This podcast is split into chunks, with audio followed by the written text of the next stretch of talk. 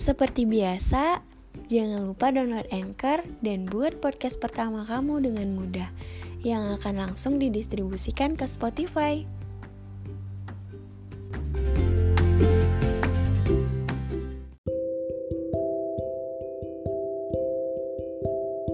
Hai semuanya.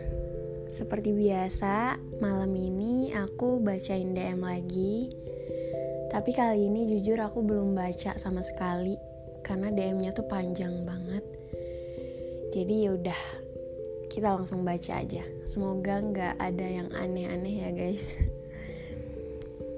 Hai Kak Febri, tiap malam menjelang tidur aku suka banget denger podcast kakak. Sampai ada beberapa yang aku denger berulang-ulang karena ya relate sama diri ini. Sebut aja aku orang baik yang walaupun aslinya nggak tahu baik, nggak tahu juga jahat. Karena baik itu relatif ya. Makasih ya, ini sama kayak kemarin ya. Bilang kayak dengerin podcast aku berulang-ulang. Alhamdulillah, terima kasih banyak. Lanjut.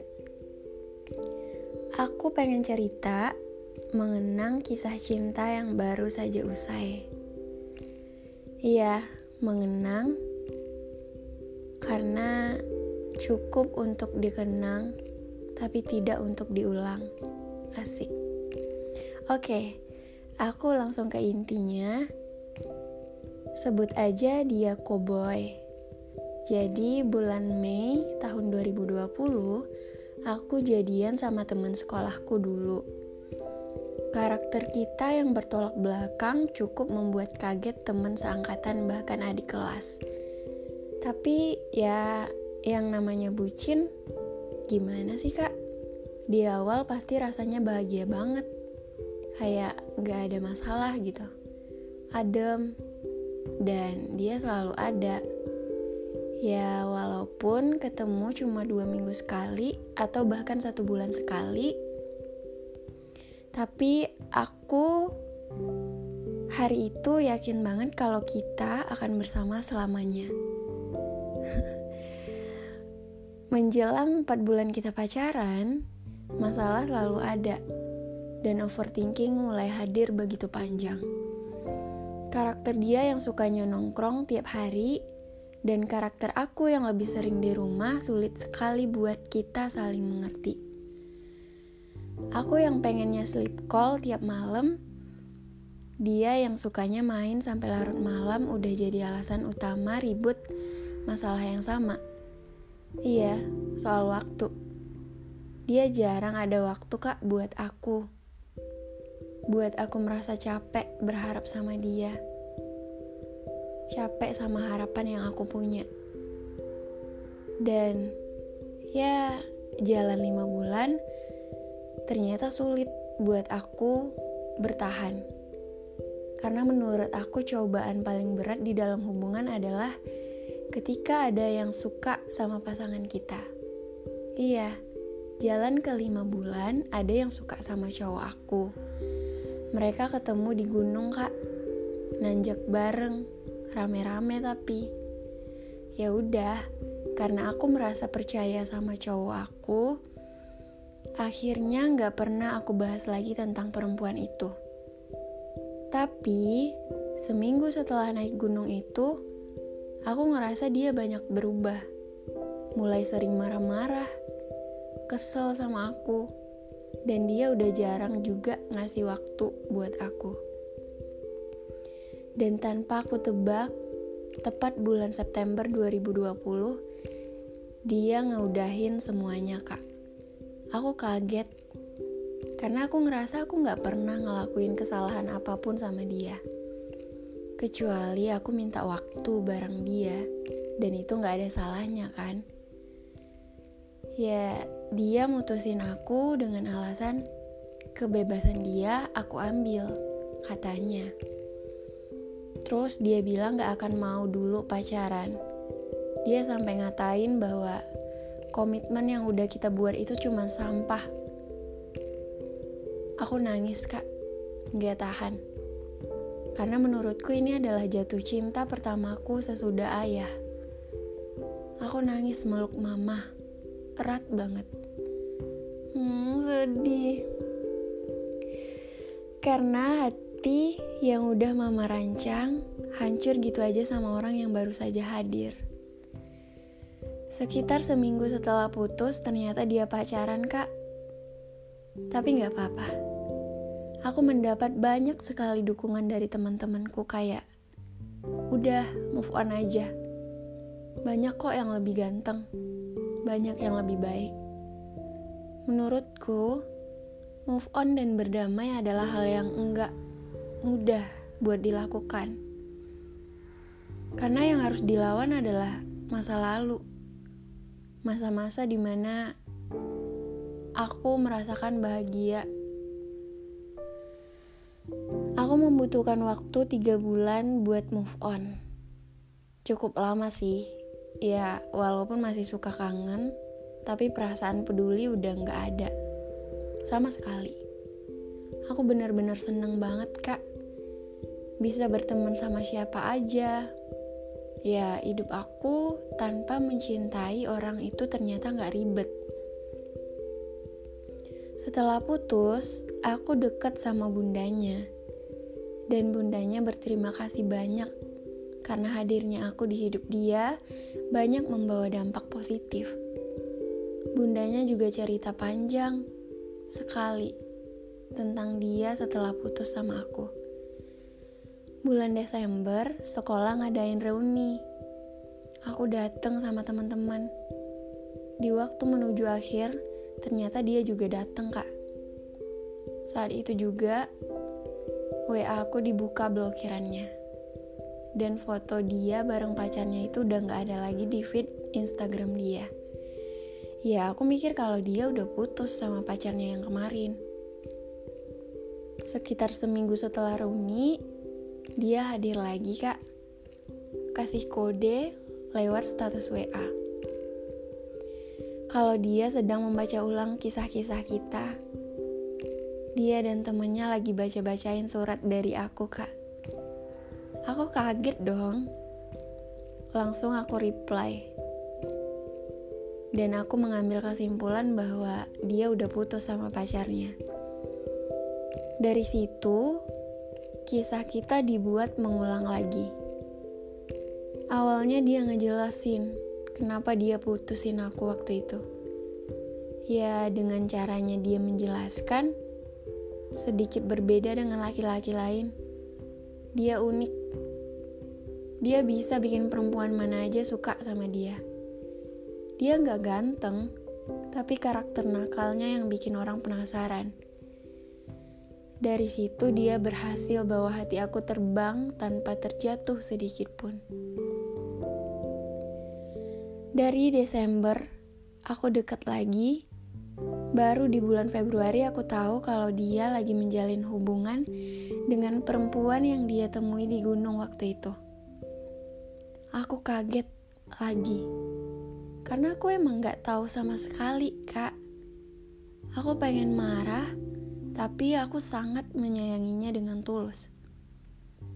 Besoknya aku renggang sama dia, karena aku merasa aku udah merusak hubungan orang, Kak. Gak lama dari hari itu, aku ngejelasin perasaan aku. Dia bilang nyesel dan ingin kembali ke rumah yang belum ada penghuninya ini.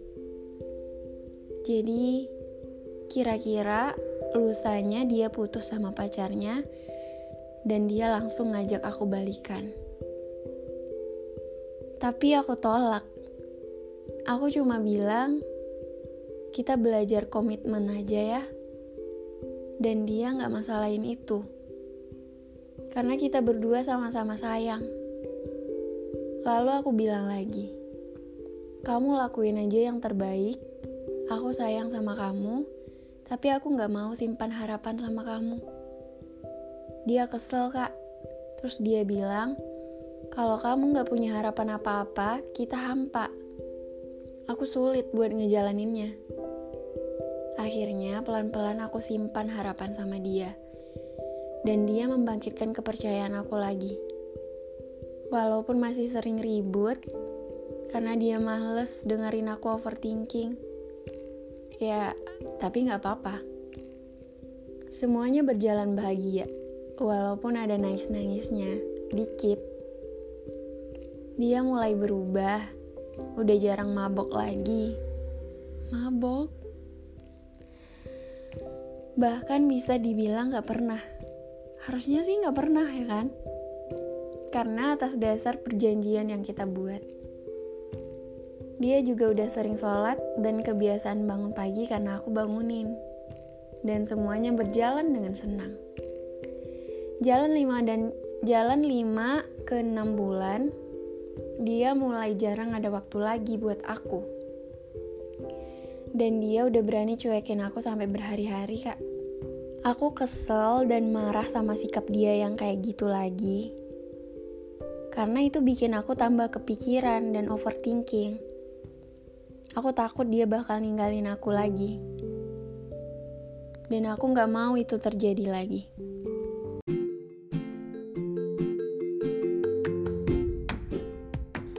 Pengen punya podcast sendiri?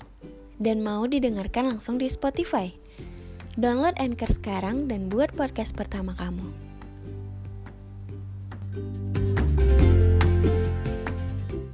Kadang, kalau ada masalah, aku suka cerita sama bundanya. Kadang juga, bundanya bantuin masalah aku sama dia, Kak. Tapi si Kobo ini bilang sama bundanya, Bun, aku gak mungkin ngelepasin orang ini lagi kata dia yang tertuju buat aku. Aku senang banget sih. Aku simpan kepercayaan aku seutuhnya buat dia. Dari situ aku mulai mengurangi pikiran negatif aku. Dan ini tragis, Kak. Pertengahan Juli kemarin, aku dan dia sama-sama mengakhiri hubungan ini lagi. Yang kedua kalinya, Kak. Dia nyerah sama hubungan kita Kata dia, aku bosan. Aku lagi pengen sendiri. Lagi pengen main game. Lagi gak pengen mikirin hal-hal kayak gini. Ya, intinya dia udah capek sama overthinking aku. Sebelumnya emang kita ribut dulu, tapi sama dia gak diselesaikan. Aku dicuekin, dan terulang lagi kak. Kekhawatiran aku selama ini terjadi Aku nggak tahu dia masalah utamanya apa. Yang jelas, dia bilang bosen dan lagi nggak mau aja teleponan sama aku. Monoton kalau teleponan terus. Aku lagi pengen nyobain hal-hal yang belum pernah aku coba. Dan aku lagi nggak pengen ngurusin perempuan dulu. Gitu katanya. Ya jelas aku tolak dong. Katanya dia nggak akan deket dulu sama perempuan. Saat aku tolak mentah-mentah omongan dia, dia malah nantang aku kayak gini. Berani taruhan aku mah. Gak aku gubris tapi, aku cuma pengen kenyataannya aja kak. Dan, ya terjadi lagi. Belum ada sebulan aku putus, dia udah punya pacar lagi. Gak tahu mesti marah atau sedih sedih karena dia tidak bisa aku percaya, dan marah karena dia melewati aku begitu aja. Sedih ya kalau kita terlalu percaya sama orang. Oh iya, aku nggak lupa sama-sama. Aku nggak lupa sama ketiga sahabat aku.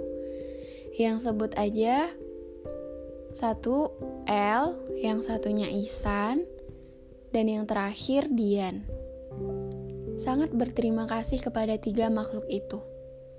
Karena mereka yang udah support aku terus. Ini kisah dari pandangan aku aja ya kak. Buat kamu koboy, yang aku maksud, jangan mainin hati cewek lagi ya. Karena gak semua cewek itu kuat kayak aku. Udah ah, panjang banget ya kak ceritanya. Makasih ya kak. Semoga Kak Febri baca. Maaf kalau terlalu panjang. Oke, nggak apa-apa. Terima kasih juga udah kirimin cerita kamu ke aku. Dari sini kita bisa lihat ya, karakter laki-laki itu emang sebenarnya mereka juga mudian loh, sama kayak kita perempuan. Tapi kemudiannya dia ini beda, bukan yang kemudian manja-manja kayak kita. Kemudiannya tuh kayak hmm, hari ini dia bisa bertingkah seolah-olah dia cinta banget sama kita. Tapi besok dia bisa berubah. Besoknya lagi bisa berubah balik lagi. Besoknya lagi bisa juga berubah buat nggak mau bareng-bareng kita lagi. Dan laki-laki kayak gitu tuh banyak sampai kita bingung ini dia bakal berubah pikiran lagi apa enggak ya gitu dan menurut aku cowok-cowok kayak gini tuh gak pantas buat dicintain dengan tulus. Justru kalau kalian bisa mainin aja tuh hatinya. Emang cowok doang yang bisa mainin cewek? Cewek juga bisa. Cuman bedanya kita gak mau buang-buang waktu kayak gitu. Kalau kita pengen menjalin hubungan sama seseorang, kita pasti mikir dulu, ini ke depannya bakal kayak gimana ya? Ini kira-kira bisa serius apa enggak gitu. Tapi kalau cowok, mereka nggak mikirin ke depannya gimana. Yang jelas nih cewek sekarang bisa bikin gue bahagia, ya udah gitu. Dan hal yang paling cewek benci ya sama cowok itu adalah ketika dia udah dikenalin sama orang tua dan orang tua kita udah nerima dia 100% udah sayang juga sama dia. Tapi ujung-ujungnya dia ngecewain kita. Kadang kita sebenarnya gak sakit hati banget sih dikecewain. Tapi ketika mau ngomong ke orang tua tuh gimana ya?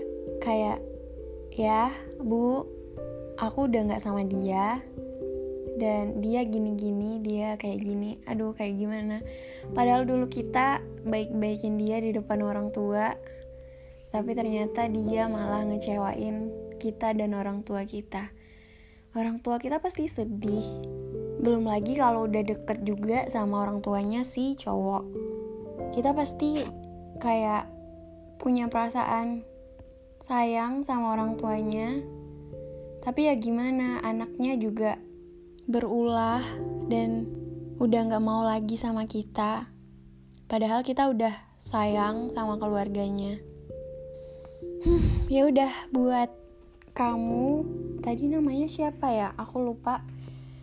Semoga ke depannya nanti kamu menemukan seseorang yang lebih baik, yang beneran sayang, yang gak mudah berpindah hati yang juga bener-bener bisa ngebuat kamu gak overthinking lagi, gak takut lagi, juga gak curiga lagi, karena orang yang tepat gak akan ngebiarin kita buat overthinking, gak akan ngebiarin kita ngerasa takut.